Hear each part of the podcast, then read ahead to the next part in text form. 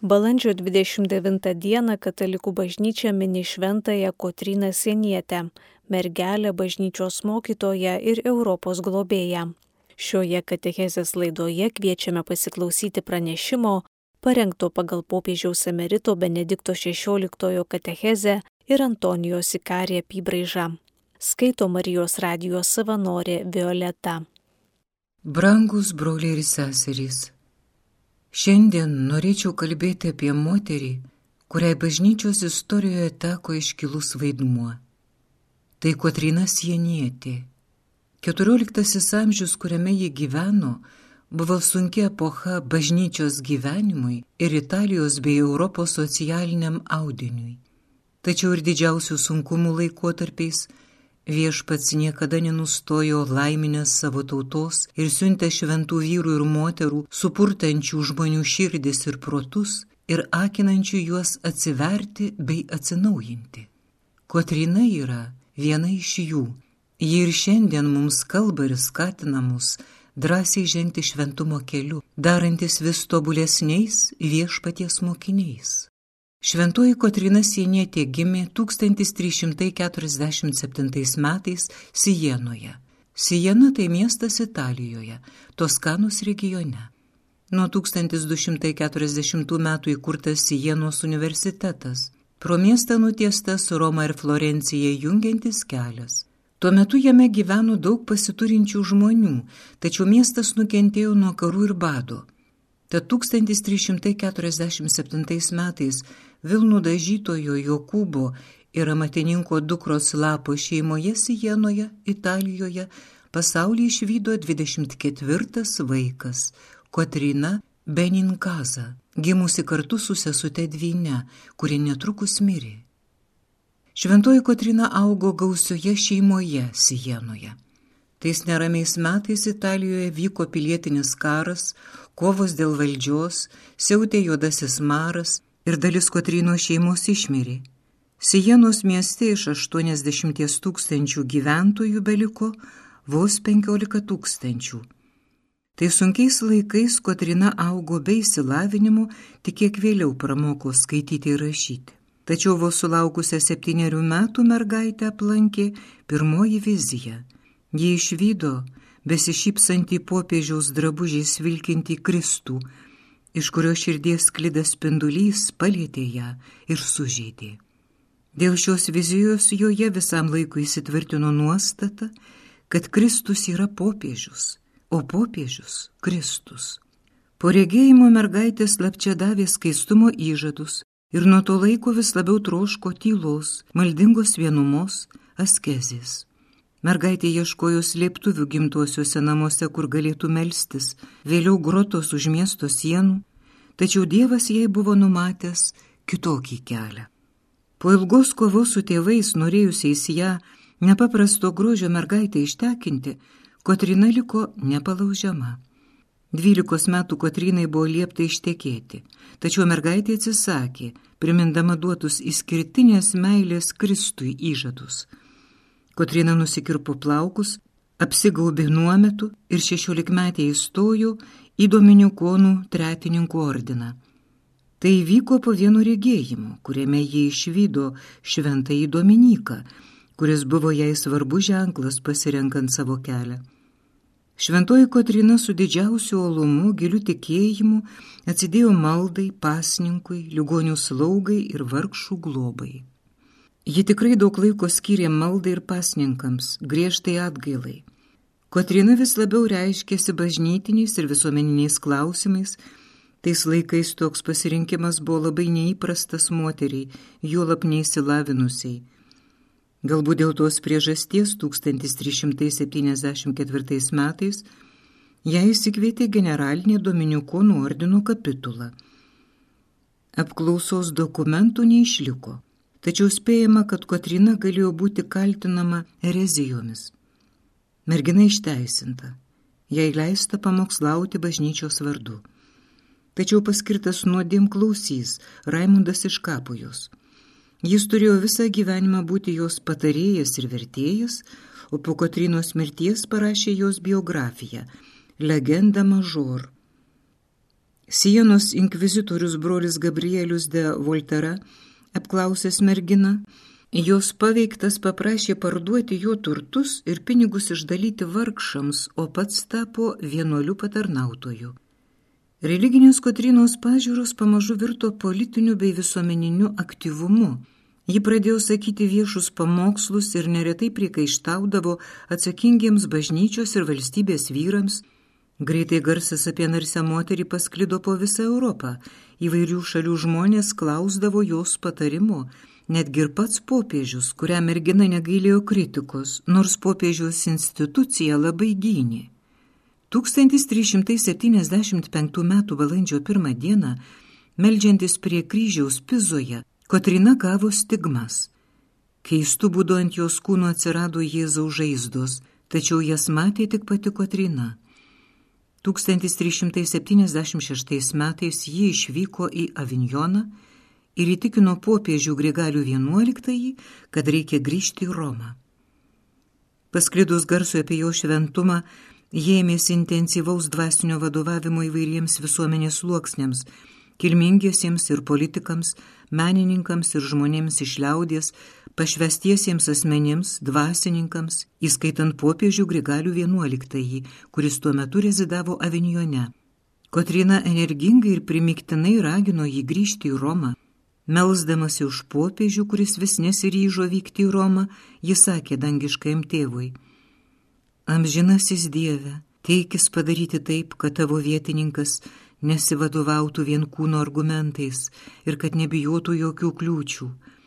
Jeigu tau, o amžinoji meilė, nepatinka, kad jam stinga ryšto, nubausk už tai mano kūną, kurį aš atiduodu tau kaip auką. Primiktinai prašė, patyrė daug pažeminimų, panikos, atmetimo, visą tai pakėlė, nes troško atstatyti popiežiaus tarnystės autoritetą, palaikė dvasinę popiežiaus misiją, ryšį su apaštalo Petro įpėdinyste. Apaštalo Petro kapas vieta, prie kurios melstis ir savo tarnystę eiti, turi visi teisėti jo įpėdiniai. Čia reikėtų steptelėti ir prisiminti apie tai, kodėl popiežiai buvo susiję su Avignonu, vietovė Prancūzijoje. Ji labai kritiškai atsiliepė apie Avignoną ir visą pastarojo laikotarpio istoriją. Popiežius Klemensas V išrinktas 1305 m. gruodžio 5 d. Jis popiežiumi buvo vainikuotas Lyone, dalyvaujant Prancūzijos karaliui Pilypui IV gražiajam, pateko į jo politinę įtaką. Klemensas V yra pirmasis popiežius, kuriam buvo uždėta tijara. Prancūzijos karaliaus spaudžiamas 1309 metais įsikūrė Avignone, tuo prasidėjo Avignono nelaisvė. Po jo valdymo bažnyčioje keliarius metus valdė kardinolų kolegija.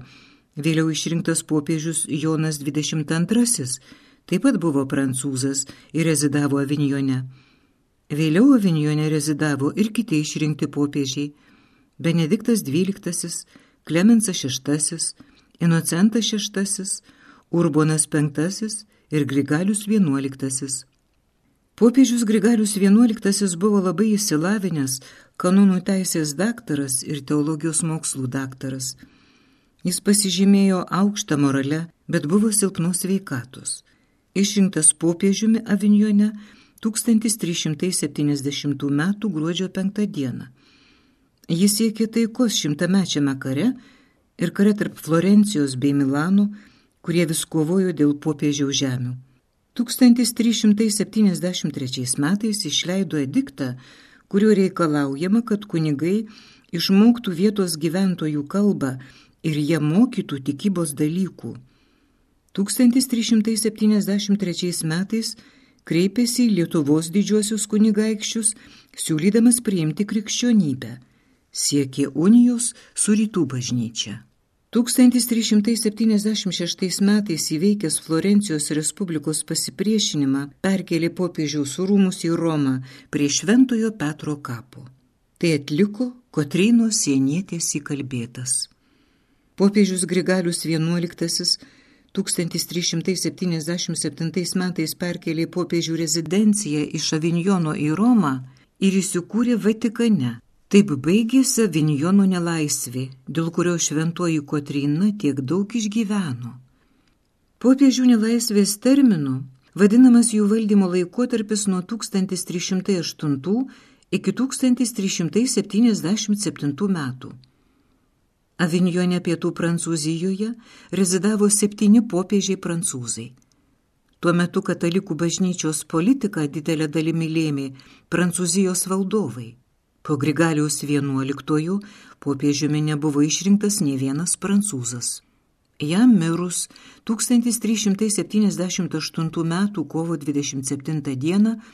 prasidėjo didžioji vakarų schizma, trukusi nuo 1378 iki 1418 metų.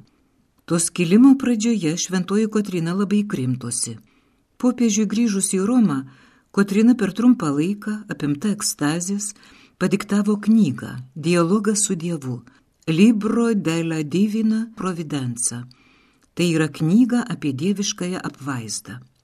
167 dialogos skyriai sugrupuoti į keturias dalis, nes tiek aistringų troškimų Kotrina įsakė viešpačiui. Jos tikslas - išmelsti Dievą gailestingumo jai, pasauliui, šventai bažnyčiai ir apvaizdos visiems. Dievo atsakymai į Kotrinos klausimus apima visą krikščionybės mokymą, teologiją, dorovę ir askezę. Kotrinai itin svarbu buvo apvaizdos meilė, su kuria tėvas žvelgia į pasaulį ir savo bažnyčią. Jos požiūris į žmogų ir gyvas tikėjimas apvaizda buvo labai optimistinis. Kotrina šventai tikėjo, kad Dievas įveiks visą blogį. Popiežiui sugrįžus į Romą iššūkiai nesibaigė. Po metų prasidėjo didžioji schizma, bažnyčios kilimas, labai skaudinęs Kotryną. Tuo laiku Kotryna rėmė popiežių Urboną VI. Jam paprašius persikėlė gyventi į Romą.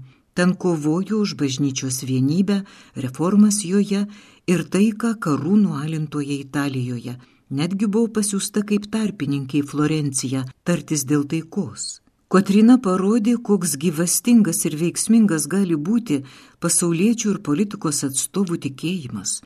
Neraštingos moters drąsa paliudyta jos diktuotose laiškuose įvairaus rango bažnyčios hierarchams ir politikos veikėjams, kuriuose ji Kristaus vardu drįsdavo priekaištauti už neryštingumą ar kitas įdas.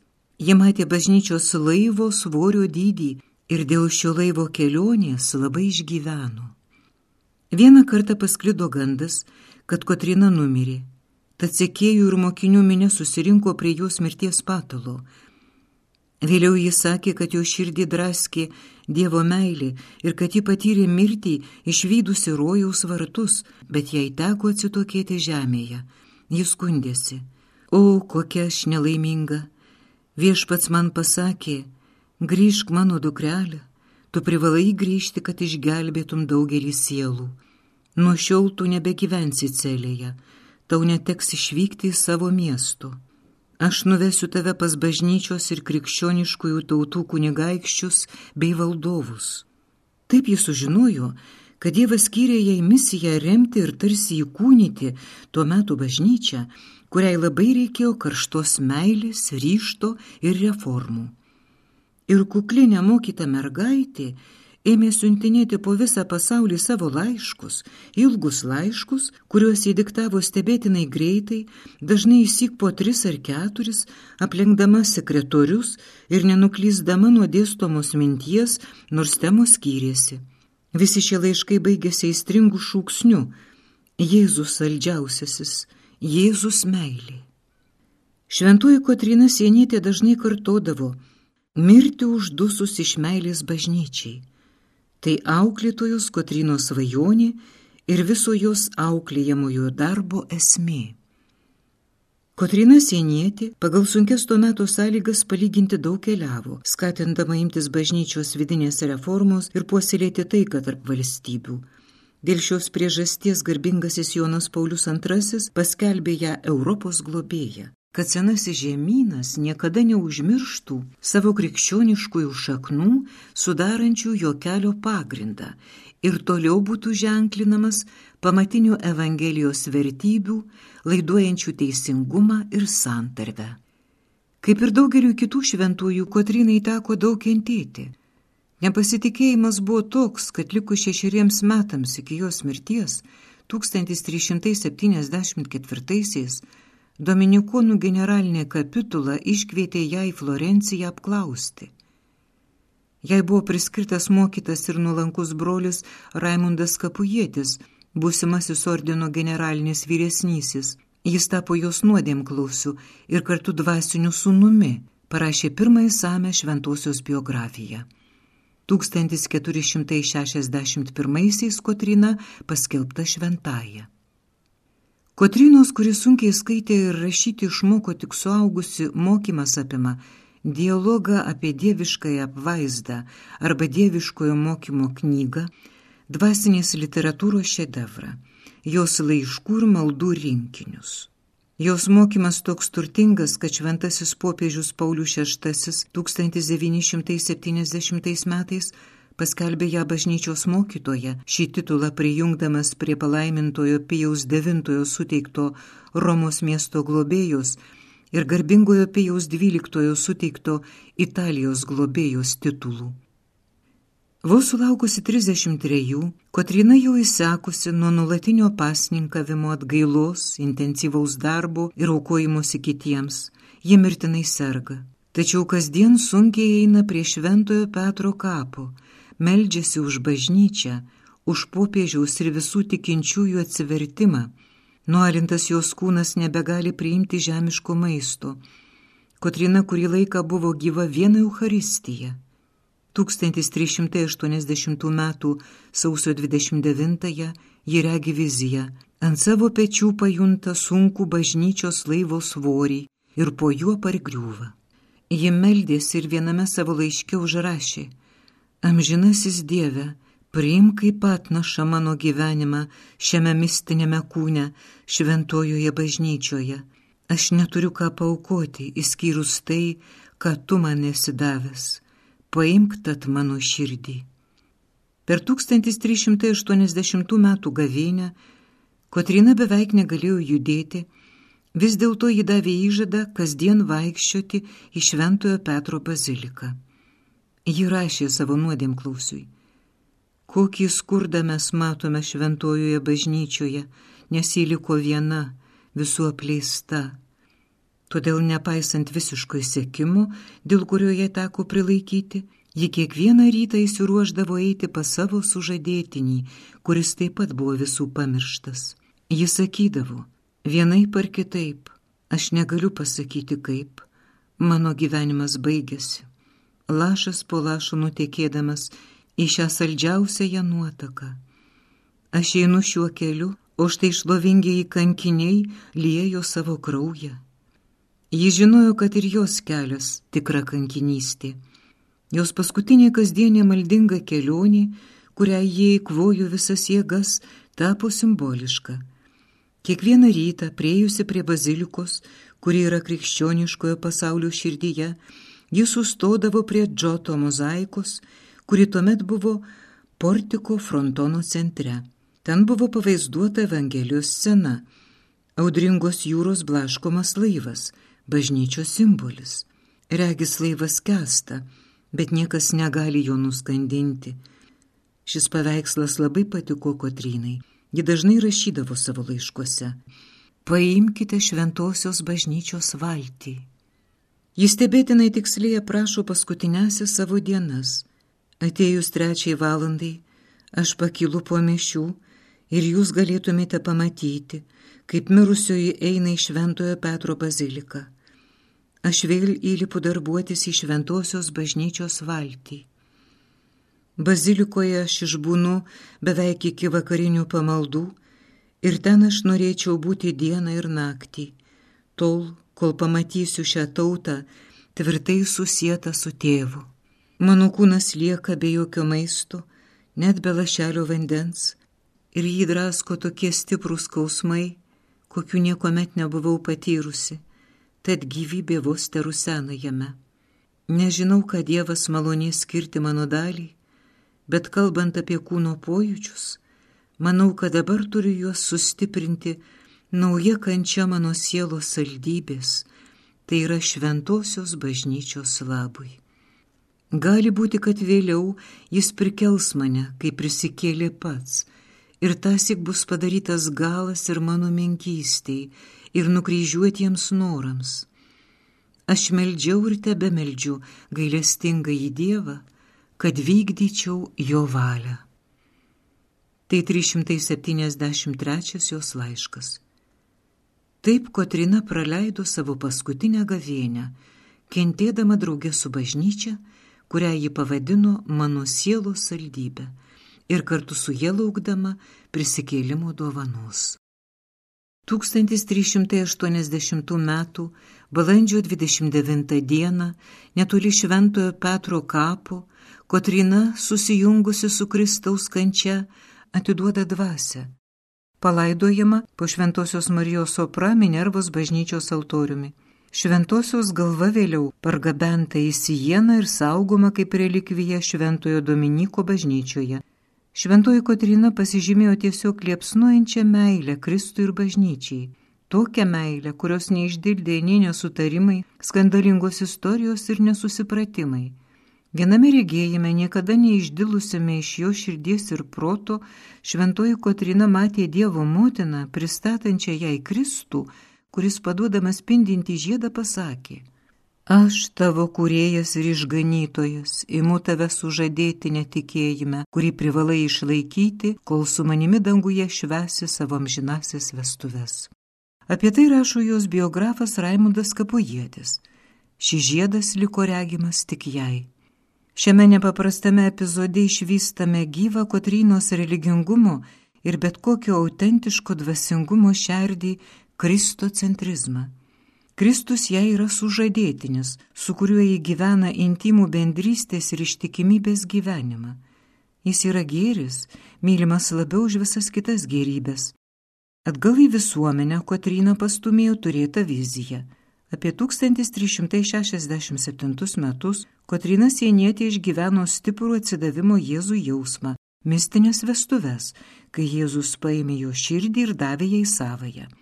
Po šios vizijos Kotrina ir pajuto kvietimą išeiti į viešumą. Aplink beraštę merginą ėmė burti sekėjų ir gerbėjų būrys - magistrai ir diplomatai, menininkai ir poetai, kilmingieji ir prekeiviai, riteriai ir amatininkai, kilmingos damos ir prastuomenės atstovai. Ši šeima pavadinama puikiuoju pulku - Bella Brigata. Sekėjų buvo įvairiuose Italijos miestuose - Sijenoje ir Avignone kur tuo metu rezidavo popiežius, Romoje ir Toskanoje. Visi svarstė teologijos ir mistikos dalykus, skaitė Dantės veikalus, gilinosi į šventojo Tomo Akviniečio raštus, bet pirmiausia mokėsi visą širdimi mylėti išganytoją Kristų ir bažnyčią, mistinį jo kūną. Visi šios bendrijos nariai vadino Katriną mama, o ji juos brangiausiais vaikais, rūpinosi jų dvasios reikalais, tikėjimu, pašaukimu. Kūno įvaizdis padeda suprasti bažnyčią ir Kristų siejantį gilų ryšį, kurį šventasis Paulius ypač atskleidžia pirmajame laiške korintiečiams. Palyginkite 12 skyrių. Pirmiausia, kūnas mums primena gyvą tikrovę. Bažnyčia nėra vien organizacija kaip daugelis kitų, tai gyvas kūnas keliaujantis ir veikiantis istorijoje. Šio kūno galva Jėzus jį veda, maitina ir palaiko. Svarbu pabrėžti, kad jei galva atskiriama nuo kūno, asmo negali išgyventi. Taip pat yra ir bažnyčioje. Turime palaikyti vis glaudesnį ryšį su Jėzumi. Ir ne tik tai. Panašiai kaip kūno gyvybei svarbi gyvybinio syvo apytaka, taip ir mes turime leisti Jėzui veikti mumise, kad mums vadovautų jo žodis, kad mus maitintų ir gaivintų jo eucharistinis buvimas, kad jo meilė mums duotų jėgų mylėti artimą. Ši artima vienybė su viešpačiu išriškėja ir kitame epizode iš garsiosios mistikės gyvenimo - iš širdies mainų. Pasak Raimundo kapujiečio, kuriam Kotrina taip patikėjo, viešpats jai pasirodė su skaiščiai raudona širdimi rankoje, atvėrė jos krūtinę, įdėjo širdį vidun ir pasakė, brangioji dukterie, kaip aš vieną dieną paėmiau tavo širdį, kurią tu man paukojai, taip šiandien duodu tau savo ir nuo šiol ji plaks vietoj tavo širdies. Ten pat. Kotrina tikrai įkūnijo šventojo Pauliaus žodžius. Gyvenu, bet nebe aš, o gyvena manyje Kristus. Laiškas Galatams antros kiriaus 20 eilutė. Kaip šventoji iš Sienos, taip kiekvienas tikintysis te jaučia poreikį susivienyti su Kristaus širdies jausmais, kad mylėtų Dievą ir artimą taip, kaip tai daro Kristus. Visi galime leistis būti to širdies perkeičiami ir išmokomi mylėti Kristų, būti jo artumoje maitinami Dievo žodžio, jo apmąstymų ir sakramentų pirmiausia, dažnai ir maldingai priimamos komunijos. Kotrina Sienietė irgi priklauso būriui tų eucharistinių šventųjų, kuriais užbaigiau savo apaštališką į paraginimą Sacramentum Caritatis. Palyginkite 94. Brangus broliai ir seserys, Eucharistija yra nepaprasta meilės dovana, kurią Dievas mums nepaliaujamai teikia, kad maitintų mus tikėjimo kelyje, sustiprintų viltį, įžiebtų meilę, kad taptume vis panašesni į jį. Sakramentinėje komunijoje susivienyjame ir su Dievu, ir su kitais komuniją priimančiaisiais. Jei viena duona, tai ir mes daugelis esame vienas kūnas, nes mes visi dalyjamės vieną duoną, sako šventasis Paulius. Pirmas laiškas korintiečiams 10 skyriaus 17 eilutė. Susivienijimas su Kristumi kartu yra susivienijimas su visais kitais, kuriems jis save atiduoda. Negaliu turėti Kristaus vieną savo, jam priklausyti galiu tik susivienyje su visais tais, kurie yra tapę ar taps jo paties. Komunija traukia mane iš manęs paties pas jį ir per tai kartu į vienybę su visais krikščionimis. Tampame vienas kūnas, esame sulydomi į vieną egzistenciją. Dievo meilė ir artimo meilė dabar tikrai susivienyje. Kūnų tapęs Dievas traukia mus visus prie savęs. Tada pasidaro aišku, kodėl Euharistija vadinama ir agape. Joje Dievo agapė prisertina prie mūsų, kad mumise ir per mus atliktų savo darbą. Tik tai remianti šiuo kristologiniu sakramentiniu pamatu galima teisingai suprasti Jėzaus mokymą apie meilę. Jo atliktas pereimas nuo įstatymo ir pranašų prie dvigubo įsakymo mylėti Dievą ir artimą, būtent to, kad visa tikėjimo paženklinta egzistencija kyla iš šio svarbiausio įsakymo, nėra tiesiog moralė, kurią būtų galima kaip savarankišką gretinti šalia tikėjimo į Kristų ir jo ritualinės raiškos sakramente. Tikėjimas, kultas ir etosas susipinę į vieną tikrovę, susidarančią susitinkant su Dievo agape. Įprastinė kulto ir etikos priešprieša čia tiesiog išnyksta. Buvimas mylimam ir kitų mylėjimas lypi pačiame kulte, Eucharistinėje bendrystėje. Eucharistija, nevirstanti konkrečia meilės praktika, subyra į fragmentus. Ir atvirkščiai, Įsakymą mylėti gyvendinti įmanoma tik todėl, kad jis nėra vien reikalavimas. Įsakyti mylėti galima todėl, kad meilė pirmiau dovanojama. Tai buvo svarbu Jėzui ir visiems jo šventiesiems. Taigi ir šventai Kotrynai sienietiai. Apie tokią tvirtą ir autentišką šventosios Kotrinos sienietės asmenybę susibūrė tikra dvasinė šeima – tai asmenys susižavėję šios iškiliausią gyvenimą gyvenusios jaunos moters moraliniu autoritetingumu ir taip pat patraukti tokių regėtų mistinių reiškinių kaip dažnos ekstazės. Daugelis stojo jai tarnauti ir laikė privilegiją turėti Kotryną dvasinę vadovę. Jie vadindavo ją mama, nes kaip dvasiniai vaikai gaudavo iš jos dvasinio maisto. Ir šiandien bažnyčia sulaukia daug naudos iš dvasinės motinystės, vykdomos daugybės moterų, pašvestųjų ir pasauliečių, kurios maitina sielas mintimis apie Dievą, stiprina žmonių tikėjimą ir krikščionišką į gyvenimą kreipia į vis didesnės aukštumas. Sūnumi tave vadinu, rašo šventoji Kotrina vienam iš savo dvasinių vaikų, kartūzui Jonui Sabatiniui, nes gimdau tave nepaliaujamomis maldomis ir troškimu Dievo akivaizdoje, kaip motina gimdo sūnų. Į brolį Dominikoną Baltramėjų Dominičiai ji kreipėsi tokiais žodžiais - Mylimiausiasis ir brangiausiasis broli, sūnelį Kristuje, saldžiajame Jėzuje. Kitas Kotrinos dvasingumo aspektas susijęs su ašarų dovana. Ašarus išreiškia taurų ir gilų jautrumą, gebėjimą susijaudinti ir būti švelniam.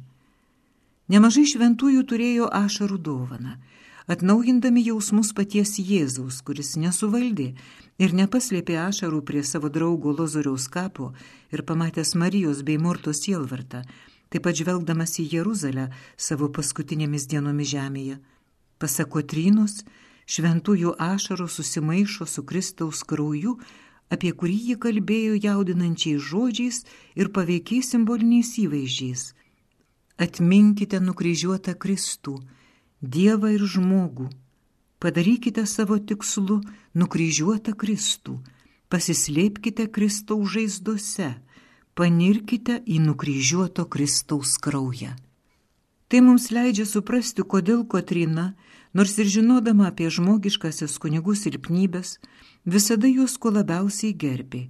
Per sakramentus ir Dievo žodį jie teikia išganingąją Kristaus kraujo jėgą. Šventoji iš Sienos visada kviesdavo šventuosius tarnautojus, taip pat popiežių, kurį vadino saldžiuoju Kristumi žemėje, būti ištikimu savo atsakomybei, kuri visada ir skirtinai reiškėsi gilę bei pastovę meilę bažnyčiai.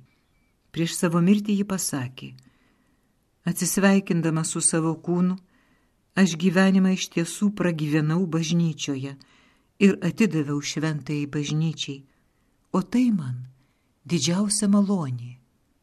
Iš šventosios Kotrynos išmokstame iškiliausio dalyko - pažinti ir mylėti Jėzų Kristų ir jo bažnyčią. Dialoge su dieviškai apvaizda ji nepakartojimų įvaizdžių nusako Kristų kaip tiltą tarp dangaus ir žemės. Jį sudaro trys pakopos - Jėzaus pėdos, krūtinė ir lūpos. Kopdama šiomis pakopomis, siela pereina tris šventėjimo gyvenime etapus - atsiribojimą nuo nuodėmės, darybių ir meilės praktikavimą, saldžią ir artimą vienybę su Dievu. Brangus broliai ir seserys, mokykimės iš Ventosios Kotrynos drąsiai, intensyviai ir nuoširdžiai mylėti Kristų ir bažnyčią. Padarykime savais šventosios Kotrino žodžius iš dialogo su dieviškai apvaizda apie Kristų tiltą. Iš gailestingumo nuploviai mus savo kraujyje, iš gailestingumo panorai bendrauti su kūriniais, o meilės beproti, tau nepakako įsikūnyti, panorai dar ir mirti. O gailestingume, mano širdis kesta, kai tik apie tave galvoju kur mintimis pasukčiau, visur aptinku tik gailestingumą. 1461 metais Kotrina iš Sienos miesto paskelbta šventaja. 1939 metais Italijos globėja.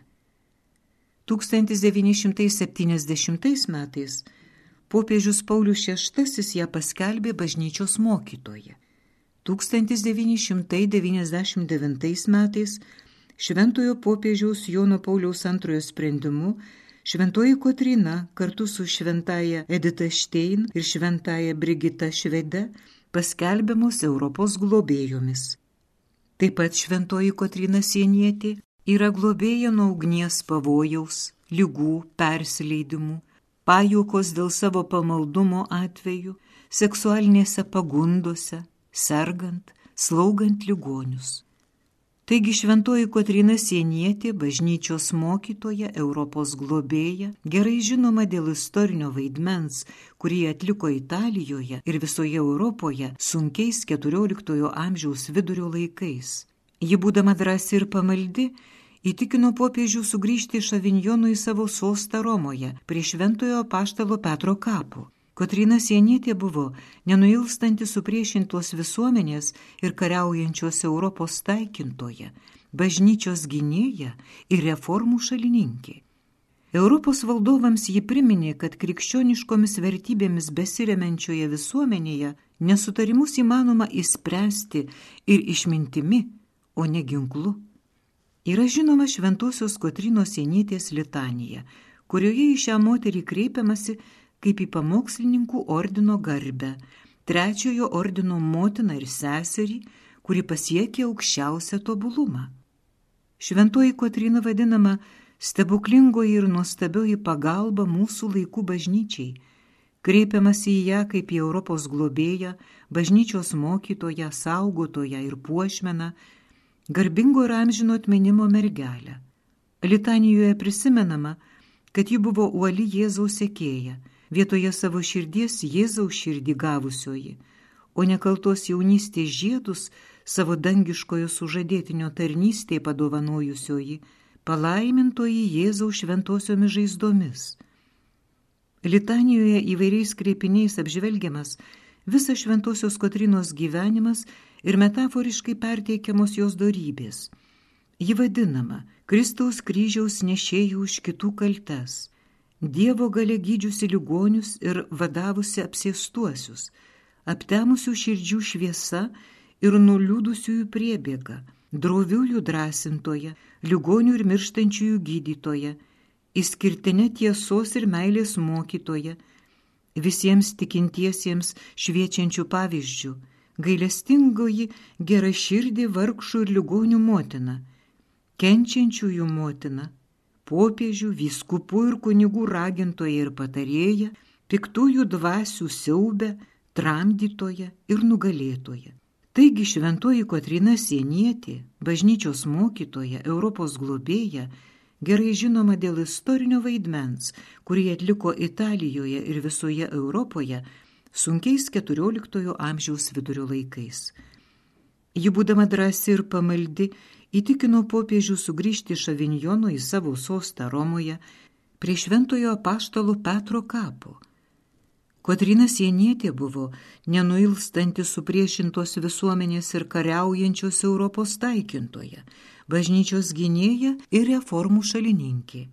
Europos vadovams ji priminė, kad krikščioniškomis vertybėmis besiremenčioje visuomenėje nesutarimus įmanoma įspręsti ir išmintimi, o ne ginklu. Šventoji Kotrina Sienietė te užtarė ir te moko mus ištikimybės bažnyčiai. Parinkta pagal popiežiaus emerito Benedikto XVI katechezę bei pagal Antonijos Sikarį paruoštą biografiją. Girdėjome pranešimą parengtą pagal popiežiaus emerito Benedikto XVI katechezę ir Antonijos Sikarė apibraižą. Skaitė Marijos radijos savanorė Violeta.